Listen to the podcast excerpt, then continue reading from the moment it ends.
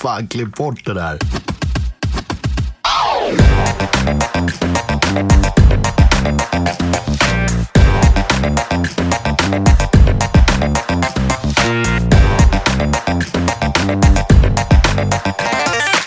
Hej allihopa och välkomna till Rörsut med mig Hanif Sabsevari.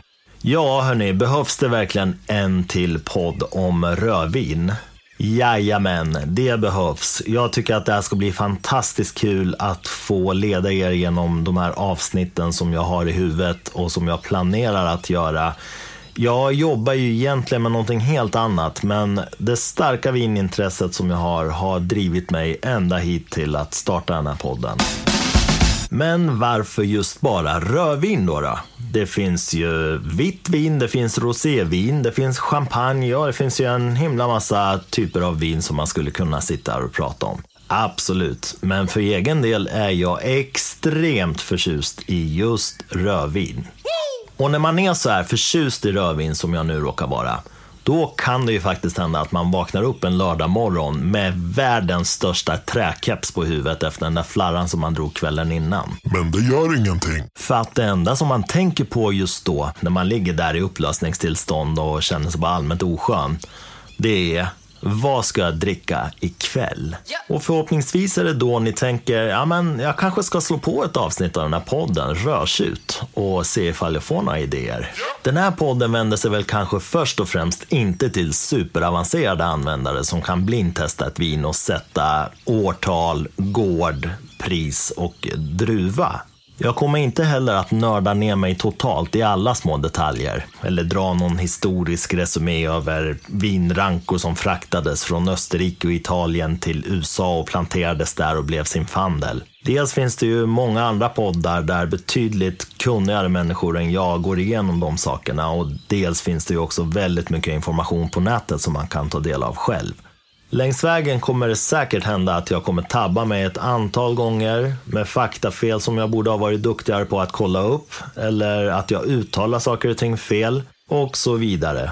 Och i alla de fallen så blir jag ju väldigt glad om ni hör av er och upplyser mig om hur saker och ting ska vara och korrigerar mina eventuellt felaktiga påståenden. Jag är långt ifrån fullärd och det här tycker jag bara ska bli ett väldigt spännande sätt att ta sig an det här stora intresset som jag delar med alla er som lyssnar på det här. När det gäller vinerna som kommer att testas i den här podden så kommer det inte bara att röra sig om prisfynd, alltså viner som kostar sig 89-99 kronor och upp till 150-200 kronor. Vi kommer även att ha möjlighet att testa dyrare viner och förhoppningsvis även riktigt ikoniska kultviner för flera tusen kronor per flaska. Det finns redan gott om poddar och sidor där ute på nätet som tipsar om prisfynd i Systembolagets sortiment. Och givetvis kommer även jag att tipsa om sådana viner som inte kostar mer än 100-200 kronor per flaska. Men det finns inget egenvärde i att begränsa sig till priset, utan syftet med den här podden är att tipsa om schyssta viner i samtliga prisklasser. Ett annat syfte är också att prata om allting omkring vin och vinkonsumtion. Så istället för att jag sitter här i avsnitt efter avsnitt och bara sörplar vin och säger att det smakar ek, läder, plommon och björnbär så kan det vara intressant att prata om många andra ämnen som har med vin att göra och som är minst lika viktiga som vinets smak. En grej som jag aldrig kommer att prata om i den här podden är boxviner. För mig är boxviner ett big no-no och har faktiskt ingenting med seriös vinkonsumtion att göra. Köper man ett boxvin kan man ju lika gärna faktiskt köpa vad som helst med alkohol i. Så för er som vill ha tips på prisvärda boxviner föreslår jag att ni omedelbart stänger av den här podden. Men för er som är kvar vill jag nu kicka igång själva programmet och ämnet för dagen är Var och hur får jag enklast tag i schysst vin? Ja, svaret på den frågan kan ju tyckas väldigt självklar. Vadå få tag i schysst vin? Det är väl bara att knata in på närmsta systembolagsbutik och bara gå loss? Eller? Ja, riktigt så enkelt är det ju inte. Systembolagets sortiment kan grovt delas in i två delar. Det är det fasta sortimentet och det är beställningssortimentet. Det fasta sortimentet enligt Systembolaget själva är de drycker som de köper in och provar och kvalitetssäkrar. Ni har alla sett de etiketter som de klistrar upp längs hyllorna på Systembolagets butiker där de beskriver graden av fyllighet, strävhet, fruktsyra och där de föreslår vad man kan para varje vin med. Här finns även information om alkoholhalt, sockerhalt, färg, doft och de druvor som används i varje vin. Det ordinarie fasta sortimentet består av ungefär 2400 drycker enligt Systembolaget. Det uppdateras fyra gånger per år och nyheterna märks ut med en orange etikett på hyllorna. Butikernas storlek och kundernas efterfrågan är det som avgör vilka drycker som finns i vilka butiker på varje ort. Det andra sortimentet kallas för ordervaror eller beställningssortimentet. De dryckerna finns vanligtvis inte i Systembolagets butiker, men de går att beställa via deras hemsida eller via deras butiker. Det finns också vissa andra sortiment som det tillfälliga sortimentet, säsongssortimentet och det Systembolaget kallar för lokalt och småskaligt, som i princip är drycker från mindre lokala tillverkare. Om man är en riktig vinälskare så inser man ganska snabbt att det fasta sortimentet på Systembolaget är rätt så uselt. Dels beror det på att det fasta sortimentet är fokuserat på inköp av volymviner. Det vill säga Systembolaget köper in stora mängder av de vinerna för att på så vis pressa priset och kunna leverera större kvantitet till konsumenterna. Och dels är det fasta sortimentet också väldigt inriktat på standardviner som är fabriksviner. Är man som vinälskare ute efter boutiqueviner som är tillverkade i små kvantiteter på mindre vingårdar, ja, då är Systembolagets fasta sortiment öken. Desto roligare blir det då när man upptäcker hur mycket viner som finns i beställningssortimentet. Systembolaget själva skryter med att beställningssortimentet uppgår till flera tusen olika dryckesorter. Men i själva verket tar Systembolaget inget som helst ansvar för de här dryckerna, utan allt ansvar vilar på vinimportörerna. Genom en väldigt krånglig och krävande process kan man idag som vinimportör få sin dryck listad i Systembolagets katalog. Det är alltså vinimportörerna som gör att Systembolagets sortiment idag är någorlunda drägligt i Sverige jämfört med många andra länder. Men vad är det då som är så himla problematiskt med Systembolaget och varför är jag så fruktansvärt arg på dem? En del av problemet har vi redan berört. Det fasta sortimentet på Systembolaget är mer eller mindre ett skämt. Jag har varit inne i butiker i Frankrike som har mer än 3, 4, 5 tusen flaskor. Och det är alltså nästan dubbelt så mycket som hela Systembolagets fasta sortiment. Men den stora boven i den här frågan är ju givetvis monopolet. Inte nog med att det resulterar i ett uselt sortiment. Det finns också vinimportörer som vittnar om den nästintill omöjliga processen att få in ett nytt vin i Systembolagets katalog. Och vidare är det ju skrattretande att Systembolaget pratar om ansvarsfullt drickande när urvalet av deras fasta sortiment pekar åt helt motsatt håll. Istället för att stödja de små vingårdarna och se till att det finns gott om val för den som verkligen älskar vin, så är Systembolaget istället fokuserat på Ullared-tänket. Det vill säga, vi köper in så stora mängder vin vi bara kan och pressar priserna så mycket vi bara kan för att få ut så stor kvantitet till kunderna som möjligt. Det rimmar väldigt illa med ansvarsfullt drickande. I kulturer där man verkligen förstår vin visar man stor vördnad för både hantverket och hur man ska dricka vinet. Men Systembolagets bag-in-box-filosofi resulterar bara i att man tänker kvantitet och struntar fullständigt i kvalitativt utbud. Och inte nog med det. Har ni testat att gå in på en Systembolagsbutik och be de som jobbar där om lite tips? Det kan resultera i rätt pinsamma situationer. Inte nog med att de etiketter med smakråd och smakbeskrivningar som Systembolaget spikar upp på alla hyllor är totalt felaktiga ibland, utan deras medarbetare verkar inte heller ha bättre koll. Jag har vid flera tillfällen testat gå in i olika butiker och sagt Hej, jag vill ha ett vin för ungefär 400-500 kronor som jag kan dricka rakt upp och ner. Jag har alltså inte krånglat till det genom att gå in och säga Hej, ikväll ska jag äta en persisk inälvsgryta. Har du något vin som passar till det? Och det som händer oftast då är att jag får en vinflaska i handen för 119, 129, 139 spänn som inte bara prismässigt är helt fel utan som oftast är ett vin som absolut inte ska drickas rakt upp och ner. Och här har vi ytterligare ett problem med det fasta sortimentet. De stackare som jobbar på Systembolaget har oftast inte så mycket att välja bland och i värsta fall har de noll koll. Men jag ska också vara rättvis och berömma en butik som verkligen förtjänar all heder och all respekt. Och det är Systembolaget som ligger i PK-huset. Känner man sig osäker på vad man ska dricka för vin, har vägarna förbi Stockholm och är sugen på att prata med någon som verkligen kan, då kan jag varmt rekommendera att man gör ett besök på PK-huset. Där har de stenkoll. Okej, nog med allt skitsnack om Systembolaget nu. Men finns det något annat sätt att få tag i schysst vin?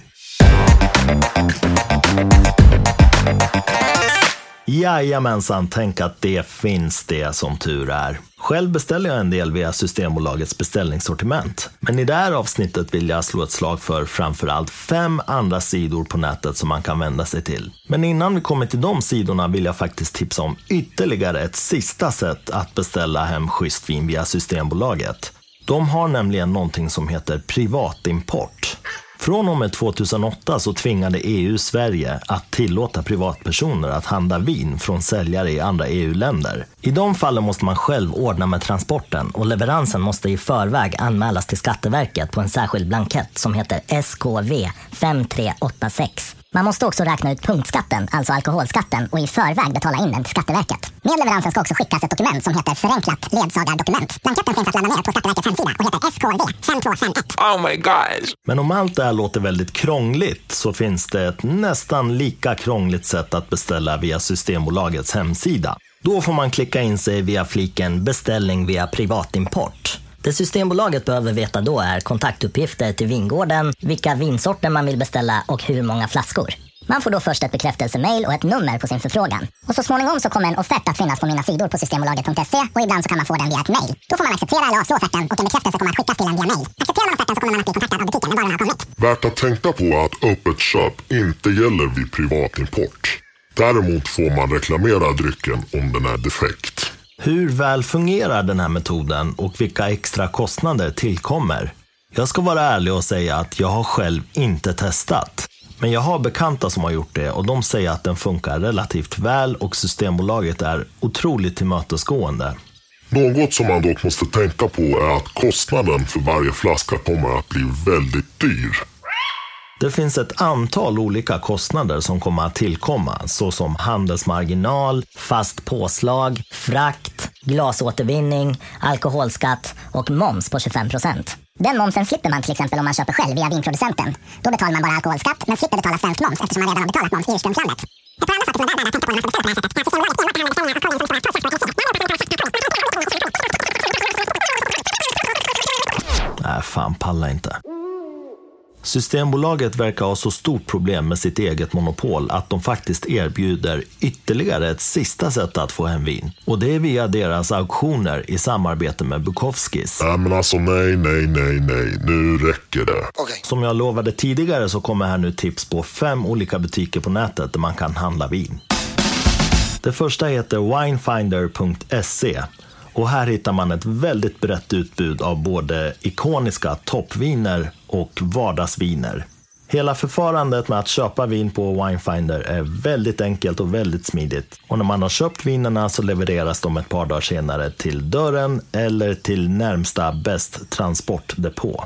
Den andra sidan jag vill tipsa om heter vinoteket.se Även här är det väldigt enkelt att hitta bra viner, antingen i färdiga paket som Vinoteket själva har satt ihop, eller i form av enstaka flaskor. Och allt levereras direkt hem till dörren. Den tredje sidan som jag vill tipsa om heter thewinecompany.se. Just den här sidan tycker jag personligen är lite smårörig. Och sökfunktionen är inte heller helt perfekt. Men det är ändå en sida som man bör besöka om man vill ha alternativ till Systembolaget. Den fjärde sidan som jag vill tipsa om är vildmedvin.se. Deras sortiment består av kvalitativa viner i alla prisklasser. Här kan man till exempel hitta en Petrus från 2007 för ungefär 28 000 kronor, en Penfolds Grange från 2008 för 8 307 kronor eller en Pinot Noir 2017 från Barramundi för 69 kronor. Det femte och sista tipset som de flesta av er redan känner till är både en hemsida och en app och heter Vivino. Här kan man ta kort på alla de viner som man dricker, ladda upp korten så att man själv minns vad det är man har druckit. Man kan recensera, man kan lägga till andra användare, kommentera deras recensioner. Man kan föra katalog över vad man har i sin vinkällare och man kan faktiskt också beställa hem viner. Jag har själv vid två tillfällen beställt hem ett par flaskor från Vivino. Och mina intryck är följande. Det är supersmidigt att beställa en vin på Vivino. Det är jätteenkelt att överblicka sin order och följa leveransen och flaskorna levereras fläckfritt hem till dörren. Det man däremot ska vara lite försiktig med på Vivino är de här personliga urvalen som görs baserat på vad man har druckit och vad man har gillat tidigare. I mitt fall har de visat sig vara helt felaktiga ett par gånger. Och vidare så måste man ta de här betygen med en stor nypa salt. Det är givetvis inte så att ett vin som har högt betyg på Vivino kommer att vara gott för just mig. Plus att vissa viner kan ha 4,5-4,6 i betyg. Men kollar man närmare så är det bara 25-30 pers som har betygsatt det. Det är klart att man kan chansa och se vad man tycker. Men för mig så är ju ett vin som har kanske 3,8, 3,9 i betyg och som har betygsatts av flera tusen människor förmodligen ett bättre vin. Men om man lägger bort betygstänket och alla duktiga tyckare där ute som sitter och tycker till om vin så kanske ett bättre sätt är att tänka vad brukar jag själv tycka om? Då kan man läsa in sig på vinet, se varifrån det kommer, vilka druvor som har använts och ifall det verkar vara ett vin som skulle kunna passa ens egen smak. Överlag är Vivino väldigt trevligt. Det är ju fantastiskt att kunna kommunicera med andra likasinnade som älskar vin lika mycket som en själv. Men man måste vara försiktig när man beställer hem de här vinerna. Det är inte alltid deras rekommendationer stämmer. Och det finns riktigt tråkiga fall där jag har beställt hem en flaska som sägs vara en Pinot Noir och som vi har druckit i ett sällskap och tillsammans konstaterat att det är inte en Pinot Noir. Dessutom så har de sina favoritvinkritiker. De hänvisar oftast till en kritiker som heter Luca Maroni. Och jag har beställt hem ett par flaskor som har fått väldigt högt betyg av honom. Och det enda jag kan konstatera efter att ha druckit de här flaskorna är att Luca Maroni, han verkar gilla blåbärsjuice. Den enda smaken jag har känt när jag har smakat på de här vinerna är syltig blåbärssaft. Och vill jag dricka blåbärsjuice, då går jag bara ner till Coop och köper en flaska Funlight eller Bob och spär ut med vatten. Ja, det finns ju duktiga vinkritiker som är ganska pålitliga. Några av dem är ju Robert Parker och James Suckling. Men Luca Maronis palett verkar inte vara den piggaste. Så vill man inte sitta och sörpla i sig drottningsylt i rinnande format, då föreslår jag att man håller sig undan från de här sorterna. Men är det verkligen lagligt att beställa hem vin från sådana här hemsidor eller appar när Systembolaget i själva verket har monopol på alkoholförsäljning i Sverige? Som ni säkert känner till så har ju Systembolaget fått panik över det här och stämt både Winefinder och Vivino. Men i anslutning till stämningsansökan mot Winefinder finns att läsa på Systembolagets egen hemsida att det är Winefinder och inte kunderna som för in alkohol i Sverige i strid med alkohollagstiftningen. Det vill säga, som kund begår man inga regelbrott om man köper vin från Winefinder. Och samma sak borde då alltså gälla övriga vinbutiker på nätet också. I dagsläget ser jag personligen inga som helst problem med att beställa hem vin från de här sidorna. Skulle regelverket ändras, då kommer vi att få höra talas om det och då får man ta ställning till det då. Men för tillfället är det fullt lagligt och det finns ingen anledning att begränsa sig till Systembolagets trötta fasta sortiment. Avslutningsvis vill jag säga att det problematiska med att köpa vin på nätet kan vara ifall det är ett defekt vin, om det är korkdefekt eller om det är oxiderat. Då kan det bli hemskt bökigt att skicka tillbaka en öppnad flaska. Så om man är rädd för att få hem ett defekt vin från de sidorna gör man bäst i att kontakta dem innan man lägger en beställning och se vad de har för policy. Och därmed har vi nått slutet på det här första avsnittet där jag efter en introduktion har presenterat olika möjligheter till att köpa hem schysst vin. Vill du komma i kontakt med mig så finns jag under kontonamnet Rotjut på Instagram. Det går också bra att mejla mig på rodtjutpodd.gmail.com. Till nästa gång önskar jag er alla trevliga vinupplevelser och glöm nu inte, ett glas schysst vin slår alla bag-in-boxar i världen.